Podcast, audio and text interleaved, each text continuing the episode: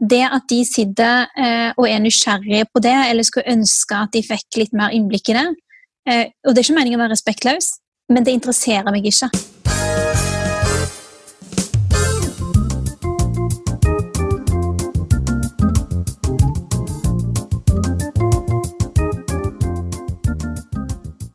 Velkommen til Ine og Dag sin podkast. Ja, velkommen til oss. I dag har vi en gjest. Vi har en veldig spennende og aktuell gjest. Um, hun er norsk eh, journalist, hun er jurist, hun er politiker, og hun har um, en master i menneskerettigheter fra Kingston University i England. Hun har master i rettsvitenskap fra Universitetet i Oslo. Og 23 år gammel så ble hun ansatt som politisk rådgiver for Bjarne Håkon Hansen. Hvem tror du det er? Nei, jeg tror at det er Hadia Tajik. Det er Hadia. Velkommen til oss, Hadia. Tusen takk skal du ha. Kjekt å få lov til å komme. Ja, eh, eh, Hvordan har du det for tida? Jeg, eh, har ikke latt, jeg har ikke unngått å lagt merke til at du, du venter barn. Ja, eh, takk som spør. Eh, det går fint, altså. Jeg er nå sju og en halv måned på vei. Det begynner å bli litt sånn fysisk tungt å gå og bære på, men jeg trøster meg med at dette har veldig mange damer gjort uh, før meg, og det går jo stort sett bra. Det gjør det. Så har jeg fått med meg at du uh, dette barnet har fått et navn allerede. Et slags sånn midlertidig navn. Bolla. Ja, det er helt riktig. Det som jeg, jeg er litt spent på, er om vi klarer å legge av oss å kalle babyen for Bolla altså før den begynner i barnehagen, eller om vi kommer til å ende opp med å liksom bare fortsette å referere til den som det. Ja, ja. Jeg har, jeg har selv en søster som heter Birgit. Og jeg, jeg, når jeg var bitte liten, så klarte jeg ikke å si Birgit. Så jeg sa Bigga. Og det sier jeg ja. 60 år senere sier jeg ennå Bigga.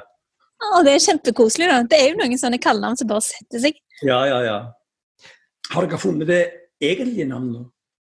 Ja, vi har det. Men vi tenker at så lenge hun er der inne, så heter hun Bolla. Og når hun kommer ut, så skal hun få et uh, ordentlig navn. Og så kan det hende at hun beholder kallenavnet i tillegg. Eh, du, Hadia, du har nettopp um, prestert å skrive en bok som heter 'Frihet en politisk og personlig historie'. Jeg har ikke rukket å lese hele jeg har bare lest noen utdrag av det. Og, uh, men Jeg skal selvfølgelig lese den litt senere. Men uh, du er jo utdannet journalist òg, av alle ting. Har, har, du skrevet boken sjøl, eller er det noen som har skrevet den for deg? Nei, jeg har skrevet den sjøl. Det hadde ikke vært aktuelt for meg å la noen andre få skrive denne boka her, eller skrive på mine vegne når jeg skal fortelle om noe som betyr såpass mye for meg.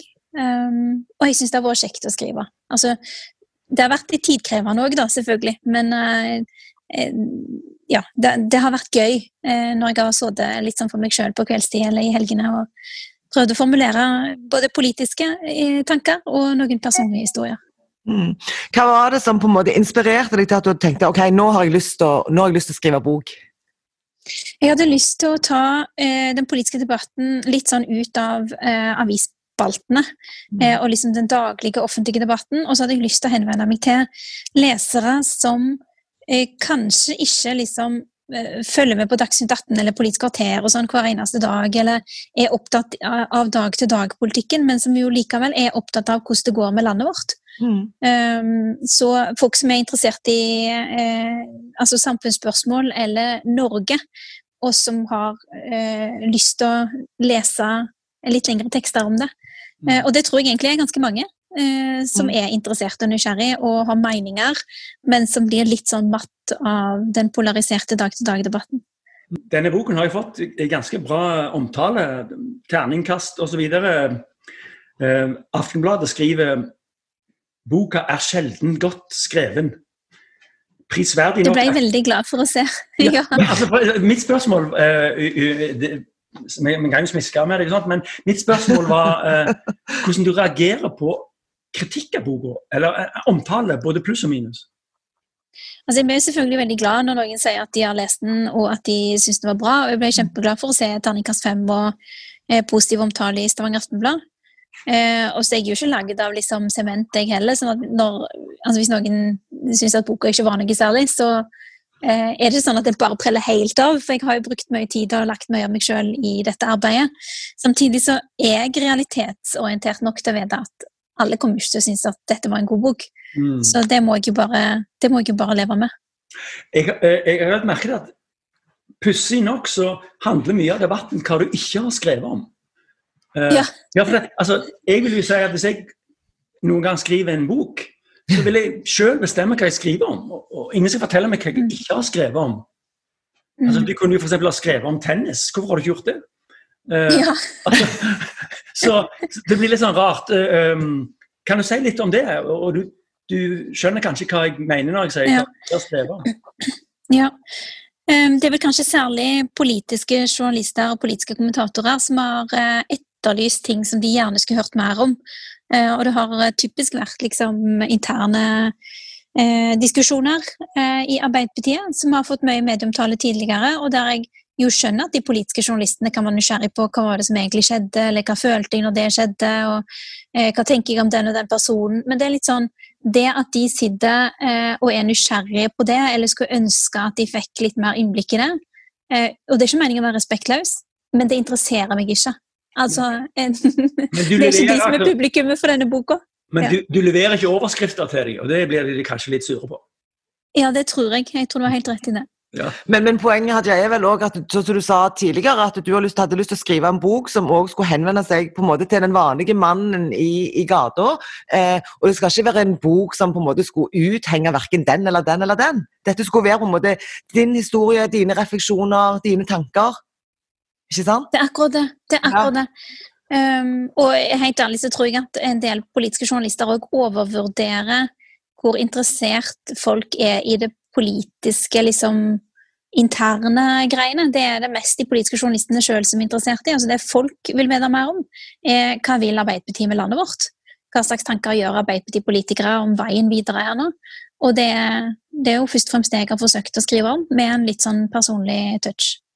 En annen ting som kommer fram i boken, eh, er jo at du tar et lite oppgjør med sosiale medier, altså med Facebook og Google og den makten de har fått i, i, i hele verden, faktisk. Eh, Jeg tror det er vel du som har kalt de for en trassig 16-åring, altså Facebook. Mm. Um, og um, du tar eh, til orde for en viss form for regulering. Kan, kan du si litt mer om det? Altså det jeg tar opp, det er at eh, sånn som sosiale medier i dag eh, fungerer, eh, så forsterker de noe av det verste i oss. De forsterker raseri og forakt og hat og polarisering. Og det har for så vidt vært bevisste valg fra de som har designa flere av disse sosiale mediene. Fordi det er det som bidrar til mest aktivitet og diskusjon og deling f.eks. på Facebook eller på Twitter. Um, og så kan vi spørre oss, eh, når eh, disse sosiale mediene har blitt en så viktig del av den offentlige debatten, er vi sikre på at det skal være et premiss som vi syns er bra eller sunt for den offentlige debatten? Mm. At det er raseri og forakt og polarisering som skal være liksom de drivende følelsene for uh, hvordan de diskusjonene skal foregå? Hva gjør det med den offentlige debatten, og ikke minst hva gjør det med oss som mennesker? Hva gjør det med den 16-åringen som kanskje skriver sitt første leserinnlegg, som kommer på trykk i aviser, de legger det ut på nettet og de legger det ut på Facebook-siden sin, og ned i det kommentarfeltet der så kommer det karakteristikker av henne som bare hører hjemme ingen plass. Um, og hva gjør det med hennes demokratiske engasjement? Eh, og vi har en tendens til å forholde oss til en del av disse designvalgene fra kommersielle aktører som om de er gudegitt. De er jo ikke det. Det er bevisste kommersielle valg fra noen som ønsker at vi skal engasjere oss mest mulig på deres plattform, og på den måten generere mest mulig inntekter og liksom, økonomi for deres del og deres lommer. Mm. Eh, og jeg tror vi trenger å snakke om hvordan kan vi regulere de sosiale mediene på en måte som gjør at det er fellesskapet, eh, demokratiet, eh, som òg tjener på det, og ikke bare noen tilfeldig valgte kommersielle aktører. Ja, fordi at Jeg leser jo hver eneste dag. Jeg er veldig sånn fan av kommentarfeltene. for jeg går nesten, Før jeg leser artikkelen, så går jeg ned i kommentarfeltet. Eh, Så er du veldig glad i å debattere sjøl ja, i dag. jeg er jo det, men, men poenget er at jeg ser folk uttrykke seg på en måte som jeg aldri har opplevd face to face. Mm. Så hver dag så ser jeg ting som uttrykkes som aldri noen har sagt til meg eh, når jeg har vært sammen med dem i et rom. Mm. Og, og, og det, det er jo det du sier, at de, at de bringer frem og, og si, destillerer det ekleste i oss. Eh, Mm. på en, men men disse, disse folkene er jo frie kommersielle aktører. Vi signer av, vi, vi, vi godtar betingelsene når vi går inn og håper jeg, blir um, brukere av dem. Hva skal, hva, hva skal vi gjøre? Er det, er det, hvem skal gjøre dette? For Norge kan ikke gjøre noe dritt. Norge kan i hvert fall ikke gjøre ting helt alene. Det er jo litt av utfordringen her. Vi er nødt til å finne en del internasjonale løsninger på det. Men noen av løsningene må jo f.eks. handle om at man må ha åpenhet om hvilke matematiske formler, formler altså algoritmer, det som ligger til grunn eh, for hva det er som blir drevet fram i disse sosiale mediene. Eh, hvis man har mer åpenhet omkring hva, det er, hva slags liksom, ytringer og sånn det er som vinner, som man jo da altså har grunn til å tro at det er raseri og hat og polarisering, så går det òg an å diskutere er dette premisser som vi aksepterer.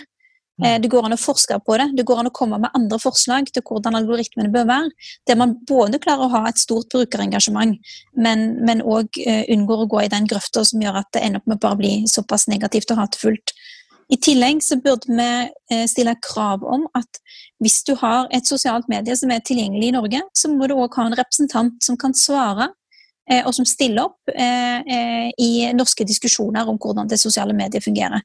Altså, Facebook må svare for seg når det skjer et eller annet, når de velger å sensurere et innlegg, eller når de velger å fremme en del holdninger, eh, og de får spørsmål om det. I dag så er det bare sånn, det er en lukka vegg, det er som å snakke ja, til veggen, da. Um, Det tok jo mange år før de fikk Zuckerberg på fram. Altså, han, han satt jo i en mørk krok eh, alene lenge han før han sa noe offentlig til myndighetene ja. i USA. Men, men, men, er jeg, ja, men, men jeg tenker jo rundt Facebook og, og Twitter og, og Instagram ikke sant? at eh, det er mye negativt med det. Eh, som du har påpekt. Men, men så opplever jo jeg sjøl at jeg kan lese veldig mange nyttige ting. Fine ting. Det er mennesker som deler eh, historier som aldri gjerne har tørt å dele det før. Som kanskje til og med kan få et bedre liv. Ikke sant? Så det er jo enorme sånne kontraster. Men når jeg for Jeg er helt eksempel enig. ja, men når jeg ser på Instagram, og det er jo ikke for å, å henge ut noen, et menneske som sitter i et badekar, og så med alle sånn duftlys fra det, og duftlys fra det, og liksom tenker bare OK. Så, så det, det vekker jo mye i oss. Hva er det du venner er du har på Facebook? Nei, men Det er forskjellige folk jeg følger, for jeg er jo litt nysgjerrig òg. Ja, men jeg er jo det, det må jeg bare innrømme. Ja, ja. Du, en, Men jeg tror du har helt rett i det, Ine, at det, um, det er mye bra med sosiale medier òg. Altså, det gjør jo Um, Det gjør i hvert fall en mulighet for at man kan ha en bredere demokratisk diskusjon. Og man har jo sett i en del land at det har skapt store folkebevegelser ikke sant? i forbindelse med f.eks. den arabiske våren, som man ellers kanskje aldri ville klart å organisere. Eh, Men jeg er likevel bekymra for om den utviklinga som sosiale medier legger til rette for, Mm, mm. Eh, i sum likevel egentlig Ja. går liksom i minus for samfunnet. ja, det er mye positivt, men det er kanskje mer negativt enn Ja. positivt. Det bør kanskje det må være noen andre rammer. For vi hadde jo et ganske godt samfunn før disse kom òg. Altså, ting funka ganske bra før Facebook òg. Så, så eh, jeg vet ikke. Det er helt utrolig. Folk Ja. møtte hverandre, og de prata sammen. Og eh, det var offentlige debatter før det òg. Det er helt sant. Telefax til hverandre, husker jeg. Det var kjekt.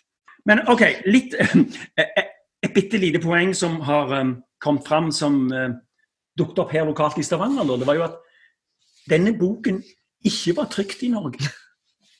Og, og um, Vil du bare si litt før, før jeg hisser meg opp sjøl? Si, hva, kan du bare si litt Ja. om det? altså, det var vel et lokalt trykkeri som mente at eh, jeg burde krevd av forlaget at boka mi skal trykkes hos de. Eh, eller i hvert fall i det minste i Norge. Mm. Eh, men det er nå sånn at jeg har, eh, altså jeg har valgt Tiden Norsk Forlag, som er et gammelt arbeiderforlag. Det ble stifta av Arbeiderpartiet på 1930-tallet, og det er gitt ut mange politiske bøker. Um, og det er sånn med alle forfattere eh, som har standardkontrakt med forlaget, og det er det jeg har. For jeg har, jeg har ikke bedt om noen form for spesialbehandling. Jeg er liksom ikke prinsesse nestleder som har forlagskontrakt. og det, da er det sånn at du forholder deg til de rammeavtalene som forlaget har, eh, og de underleverandørene som forlaget har. Eh, og det har jeg òg gjort. Eh, og det viser seg at langt på vei de aller, aller fleste bøker i Norge i dag trykkes faktisk i utlandet. Ja. Det har vært en utvikling gjennom veldig mange år. Jeg, er sikker på at Før noen tok dette her opp, så hadde du sikkert ikke på en måte reflektert over gjerne akkurat det. Ikke sant? Du skrev en avtale med et forlag, og så tenker du ok, så ordner de resten. Ja, det er jo deres oppgave å ordne Ja. resten. Ja. Eh, og eh, Arbeiderpartiet eh, vil jo endre samfunnet til det bedre. Vi vil jo at norske industrier skal ha gode muligheter, og at arbeidsfolk skal ha gode lønns- og arbeidsvilkår. Men vi endrer jo ikke det ved at én person eh, krever spesialbehandling i én situasjon. Når vi skal endre samfunnet, så handler det om at vi gjennom politiske vedtak endrer samfunnet. Mm. Eh, og jeg må si at jeg, jeg syns det er litt rart eh, å eh, bli avkrevd å opptre sånn som høyrefolk egentlig vil. For det at individene gjennom sine individuelle valg skal eh, endre samfunnet, det er høyresidens ideologi. Det som er arbeiderbevegelsens ideologi, er jo at vi i fellesskap gjennom politiske vedtak skal sikre norske industrier gode rammevilkår. Mm. Det, det må være utgangspunktet. Ja. Um, jeg, jeg, er veldig enig. og jeg, jeg fikk med meg en kommentar hvor en, en eller annen skrev at det var veldig fint at, at Aftenbladet nå hadde uh, funnet ut hvor du hadde trykt denne boka, og de regnet med at de, de ville gå gjennom alle politiske memoarer nå, som har skrevet de siste 10-12 årene, og finne ut hvor de var trykt. Og det vil jeg tro var veldig få av de er trykt i Norge. Det er jo nesten ikke boktrykkere igjen i dette landet. Ja, jeg har faktisk tillatt meg å sjekke. Jeg har ikke lyst til å nevne noen navn, men jeg har sjekka. Eh, fordi det står jo på innsida av boka hvor den er trykka. Eh, og langt på vei eh, de fleste politiske bøker som er utgitt av liksom, kjente norske politikere de siste årene, er trykt i f.eks. Litauen eller i andre tilsvarende land. Ja. vil, Så da ble det liksom ja. Jeg vil si dette, Du trenger ikke kommentere dette, men jeg tror at dette er nok et eksempel på at du skal tas. Du trenger ikke kommentere det, men jeg, jeg, jeg, jeg vil bare men, go on record og si men, det. Men eller at noen tenker eh, OK, vi, vi, skal ta Arbeiderpartiet. ikke sant? Altså Folk Ja, kan ja. ha ulike motiver. ikke sant? Arbeiderpartiet står veldig for hogg. Eh, Det merker jeg en- faktisk ganske godt i kommentarfeltene. Med en gang det er noe Ap, så er det sånn eh, Så kommer det en liten armé springende med tastaturene sine. Og- Ja. Men du, over til Arbeiderpartiet. Over til Arbeiderpartiet. Um, nå forlater vi den boken, som jeg selvfølgelig anbefaler at folk kjøper og leser. Men du, Apropos, før vi forlater denne Nei, boken nei! Jo, jo, jo. Nei! Jo, så sier Dag sånn, eh, når han så eh, bokomslaget, så syntes han at du var veldig flott der. ikke sant? I den fine, grønne drakten, og, og du, var, liksom, var, du satt liksom på en spesiell måte. Eh, var det forlaget som sa at Hadia, ta på deg disse klærne og sitt sånn, eller var det du som på en måte var Nei, det var jeg som sa at eh, sånn vil jeg gjøre det. Ja. Jeg må ta ansvar for det sjøl. Ja. Mm. Håper seg på godt og vondt. Eh, og jeg har jo valgt en, en, en maskulin sittepositur, Ja. eh, kan du si. Mm. Um, tradisjonelt så tenker man jo at menn når de sitter altså sånn, så, så manspreader de litt. De tar litt sånn plass. hvis Ja, ja. Mm. Ja. Eh, sånn at jeg eh, tenkte at nå uh, går jeg kledd som, jeg sånn som jeg gjør på jobben ofte. Uh, eller jeg har på meg sånn feminine klær. Ja. Men jeg setter meg og tar den plassen som en mann ville gjort. Uh, og at det òg er et bilde som forteller noe. Ja, jeg, for jeg, jeg er jo litt opptatt av, av bilder og tolkninger og assosiasjoner folk får til et bilde, Mm. som da skal si mer enn 1000 ord, visstnok. Ja. Eh, og, og da tenkte jeg at det bildet sier 'ikke kødd med meg'. Ja, Det- jeg, er glad du tolker det sånn. selv om du var selvfølgelig var, men, men på en positiv måte, da. Det var ikke noe sånn Hun syntes at du var veldig fin på bildet. Jeg syns det. Ja. Nå, nå, nå, går vi, nå går vi videre. Nå går vi videre. Ja. Ehm, Arbeiderpartiet. Verste målingen eh, holdt på å si siden Ålesund brant. Nå mm, 18,4 oppslutning. Og, og ja, hva tenker du om dette her? Ja, det er jo ikke hyggelig å få sånne målinger. Ehm, men jeg tror vi må ta ansvar for at det har blitt sånn sjøl. Vi har jo over lengre tid eh, endt opp med å skaffe oss sjøl mer oppmerksomhet for eh, interne forhold. ehm, heller enn den politikken som vi står for, og det vi ønsker å gjøre for folk. folk. Så jeg tror at en viktig del av oppgaven framover blir jo nettopp det. Å gjenvinne folks tillit til at vi er et arbeiderparti som setter trygge jobber til folk først. Eh, og at eh, de kan stole på at vi vil styrke velferdsstaten i en krevende tid. Eh, og at ikke minst at vi er det partiet som klarer å koble kutte klimautslipp med det å skape jobber. Så det kommer til å være prosjektet vårt framover, å synliggjøre disse tre tingene. Men, men unnskyld at jeg sier det. Jeg, jeg syns jo at Arbeiderpartiet alltid har hatt veldig tydelighet på hva de vil. Men at det har vært, og Når du snakker om fokus på de interne tingene, så er det jo aldri Arbeiderpartiet som har hatt det fokuset. Det er jo andre som har sørga for at det stadig er et fokus på det. Ja, det er jo andre som... Har ikke slutt, altså Arbeiderpartiet har jo aldri slutta å snakke om politikken sin. Nei, jeg er enig i alt du sier. Men jeg tror likevel at når, uh, når det havner ting om oss i aviser som handler om andre ting enn politikk uh, Ja, riktignok er det noen som er veldig opptatt av å skrive om det og eksponere det, men grunnen til at det havner i aviser, er jo fordi det har skjedd. Ikke sant? Mm. Så det, Hvis vi skal være opprørt over noe, så er det at vi kan godt være opprørt over liksom interne ting som har funnet sted. Og så kan vi godt irritere oss over at det i tillegg har havna i avisa. Men jeg, eh, tror ikke, jeg, tror at hvis vi bare irriterer oss over at det havner i avisa, så tror jeg mm. at vi ikke klarer å gjøre det som må til for å rydde opp i de interne forholdene. hvis du skjønner hva jeg mener. Mm. Altså, det er en del organisatoriske ting som bare må være på plass for at en organisasjon skal fungere godt. Men som nestleder, hva, hva, skal vi gjøre? Hva skal, hva skal Arbeiderpartiet gjøre fram mot valget for å snu på dette? Nei, Det er jo eh, to ting som blir viktig. Det ene er jo det organisatoriske arbeidet. Der vi må skjerpe oss og være et lag og styrke hverandre. Det kan ikke være liksom Vi er jo over 50 000 medlemmer, men vi kan ikke ha 50 000 individuelle prosjekter. Eh, da klarer vi ikke å finne den kraften som en organisasjon skal ha. Men den andre delen av det er jo det politiske. Altså eh, vise fram hva er det vi vil gjøre for folk.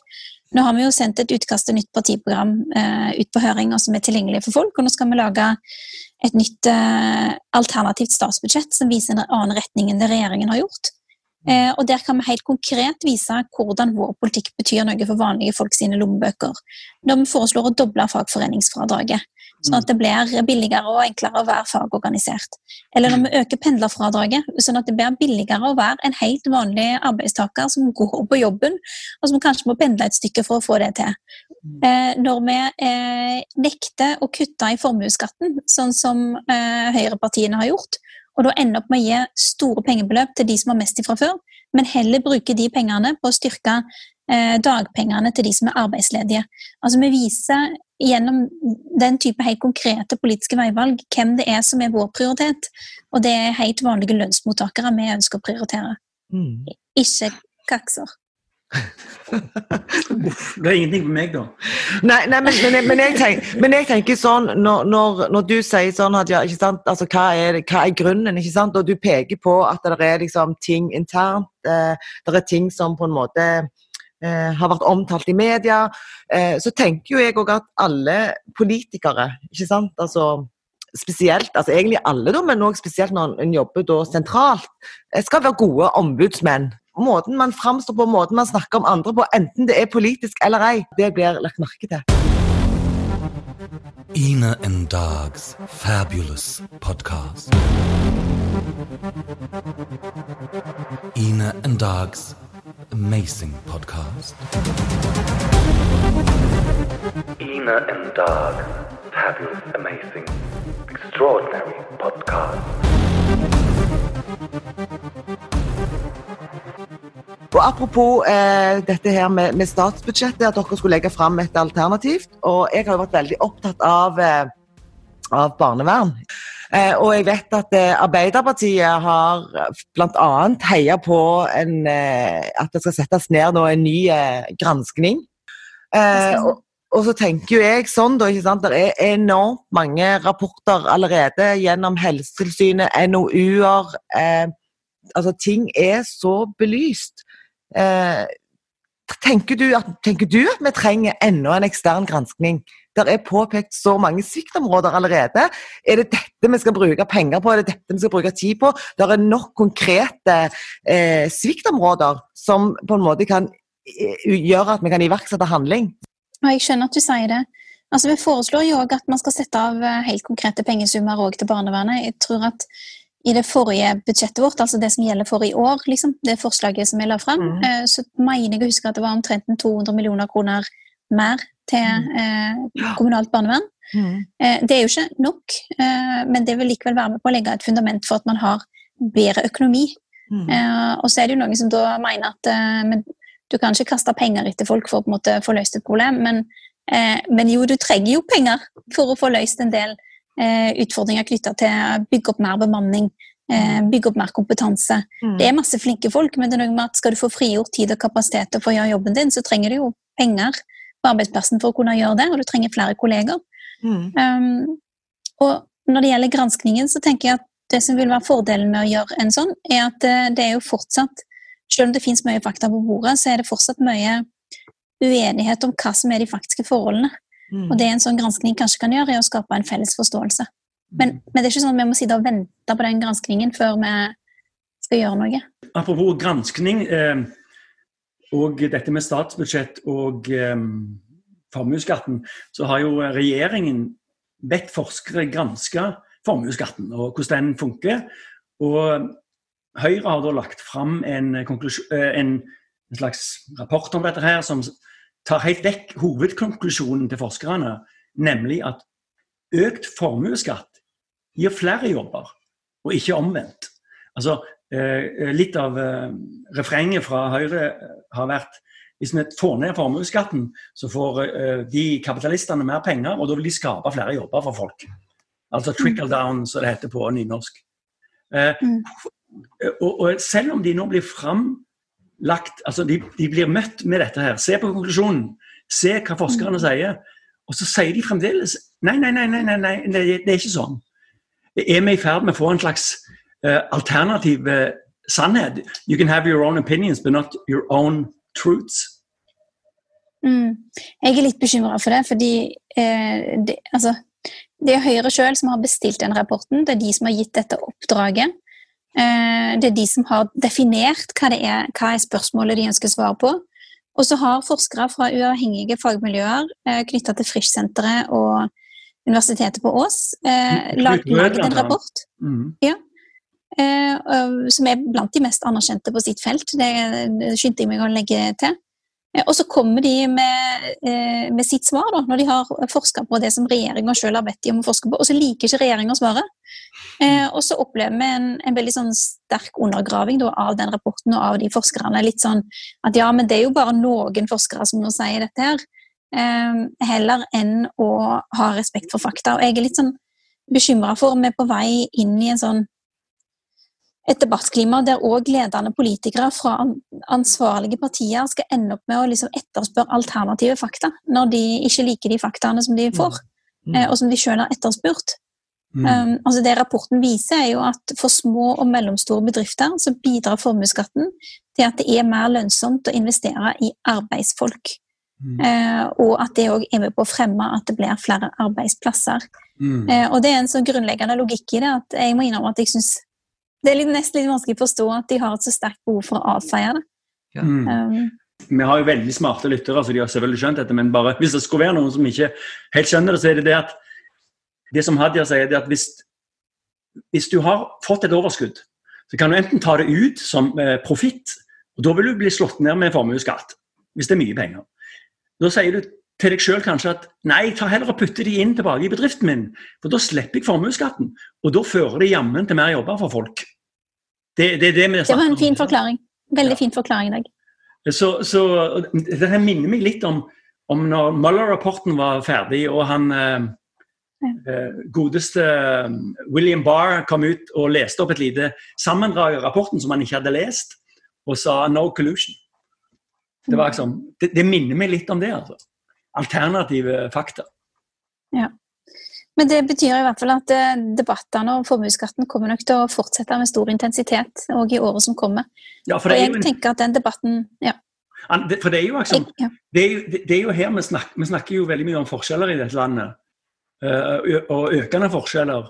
Og, og dette er jo ett av verktøyene. En av de Mm. verktøyene som skal skru igjen og få forskjellene litt mindre. Og det er en av de absolutt mest treffsikre og mest omfordelende skattene som vi har. Mm. Altså, nye tall fra Finansdepartementet viser jo nettopp det at eh, den største andelen av formuesskatten blir betalt av de aller, aller rikeste. Mm. Altså over 90% av formuesskatten kommer fra de aller, aller rikeste. Ikke fra vanlige folk eller eh, familieeide bedrifter, som jo ofte opplever at eh, Høyre skyver foran seg. I morgen det har du sikkert fått med deg, Hadia, så begynner jo Coconomics her i Stavanger. Ja, Ja, Det skal være helt fra onsdag til, til søndag, og det er utsolgt på alt omtrent. Men det handler jo òg om altså det, det tror jeg det hadde vært uansett. Selv om det nå er begrensninger pga. korona. Eh, og da kommer jo annet han, en av mine favoritter, da, han eh, Kalle Moene. Han skal være med på mye. Ja. Og han skrev jo tidligere i vår om dette her med, med borgerlønn og altså, han, har, han, har, han har noe i seg som virkelig på en måte treffer i hvert fall meg. Så Mm. jeg må prøve å få med meg det. Mm. Ja. Skal det være på Zoom, Skal det være, på, skal det være uh, digitalt? Det vet jeg ikke. Jeg tror at noe òg skal være digitalt, men uh, det, Ja. Vi, må, vi må begynne å runde av, for at uh, Hadia har hun en bolle i ovnen. Eller hun har, hun har andre ting å gjøre. det var stygt sagt. ja. Ja. Men jeg har en bolle i ovnen, så det er helt sant, det. Det er sant. det. Du har jo sagt det sjøl. Um, bitte litt til slutt. Du har en bror som heter Atar Ali Tajik. Og han, eh, jeg har faktisk truffet en veldig hyggelig person. Eh, og han er da eh, kommet seg inn i Rogaland Høyre og skal stille til stortingsvalget. Hva, hva skjer? Blir det mye krangling i familien, eller har du prøvd å ta fatt i han og snakket han til rette, eller? Eh, altså, jeg håper at vi klarer å legge politikken vekk når det er familieselskap. Um, men jeg har jo sett at eh, vi har jo eh, søskenparet Siv Jensen, som er leder for Fremskrittspartiet, og søstera Nina Jensen, som har hatt eh, fremstående verv i eh, klima- og miljøbevegelsen i mange år. Mm. Eh, og det er jo, jeg vil si, to politisk veldig motstridende standpunkt som de da representerer, og det virker som de har klart å ha et godt forhold likevel. Mm. Så satser på at det går bra. Veldig bra. Vi får um, slutte av, og vi er veldig glad for at du var med i dag, Hadia. Og Det var kjekt å få lov. så um, ser vi deg snart i, i, eh, i levende live her i Stavanger, regner vi med. Jeg kommer faktisk på lørdag på Coconomics. Jeg skal bli intervjua av eh, Tom Hetland eh, om boka. Akkurat. Der har du det. Ja. det. ja. Ok, ha en fin dag videre, og så um, um, snakkes vi jo før, jo heller. Absolutt. Tusen takk for at jeg fikk komme. Ha det Ha det godt. Ha det.